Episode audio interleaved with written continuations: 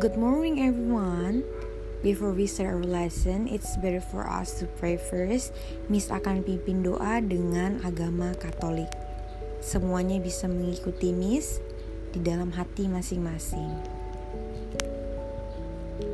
In the name of the Father, and the Son, and the Holy Spirit. Amen. My Jesus, my Lord, please give us a peace of mind as I prepare for this time of study. Help me to focus on my books and notes and my teachers. Keep me from all the distractions so that I will make the best use of this time available to me. Above all, I thank you for the ability to be able to study and for the many gifts and talents you have given to me. Help me to be always focused and use them in such a way that they honor you.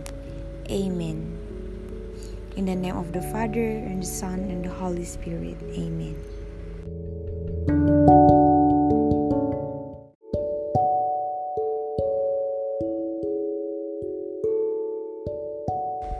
Everyone, before we end our lesson for today, it's better for us to pray first. Miss akan pimpin doa secara agama Katolik, yang lain bisa mengikuti Miss di dalam hati. In the name of the Father, and the Son, and the Holy Spirit. Amen. Jesus, my teacher, thank you for giving us this opportunity to be able to study accordingly. May this wisdom that we have learned during this subject give us knowledge to help us in our life. Lord, teach me to be always grateful for your kindness and give to those who are lacking of education. Amen. In the name of the Father, and the Son, and the Holy Spirit. Amen.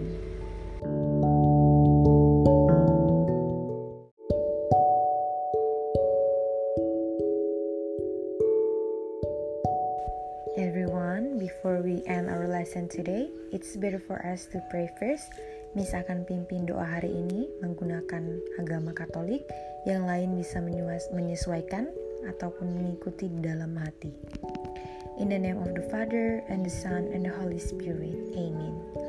Jesus, my teacher, thank you for giving us this opportunity to be able to study accordingly.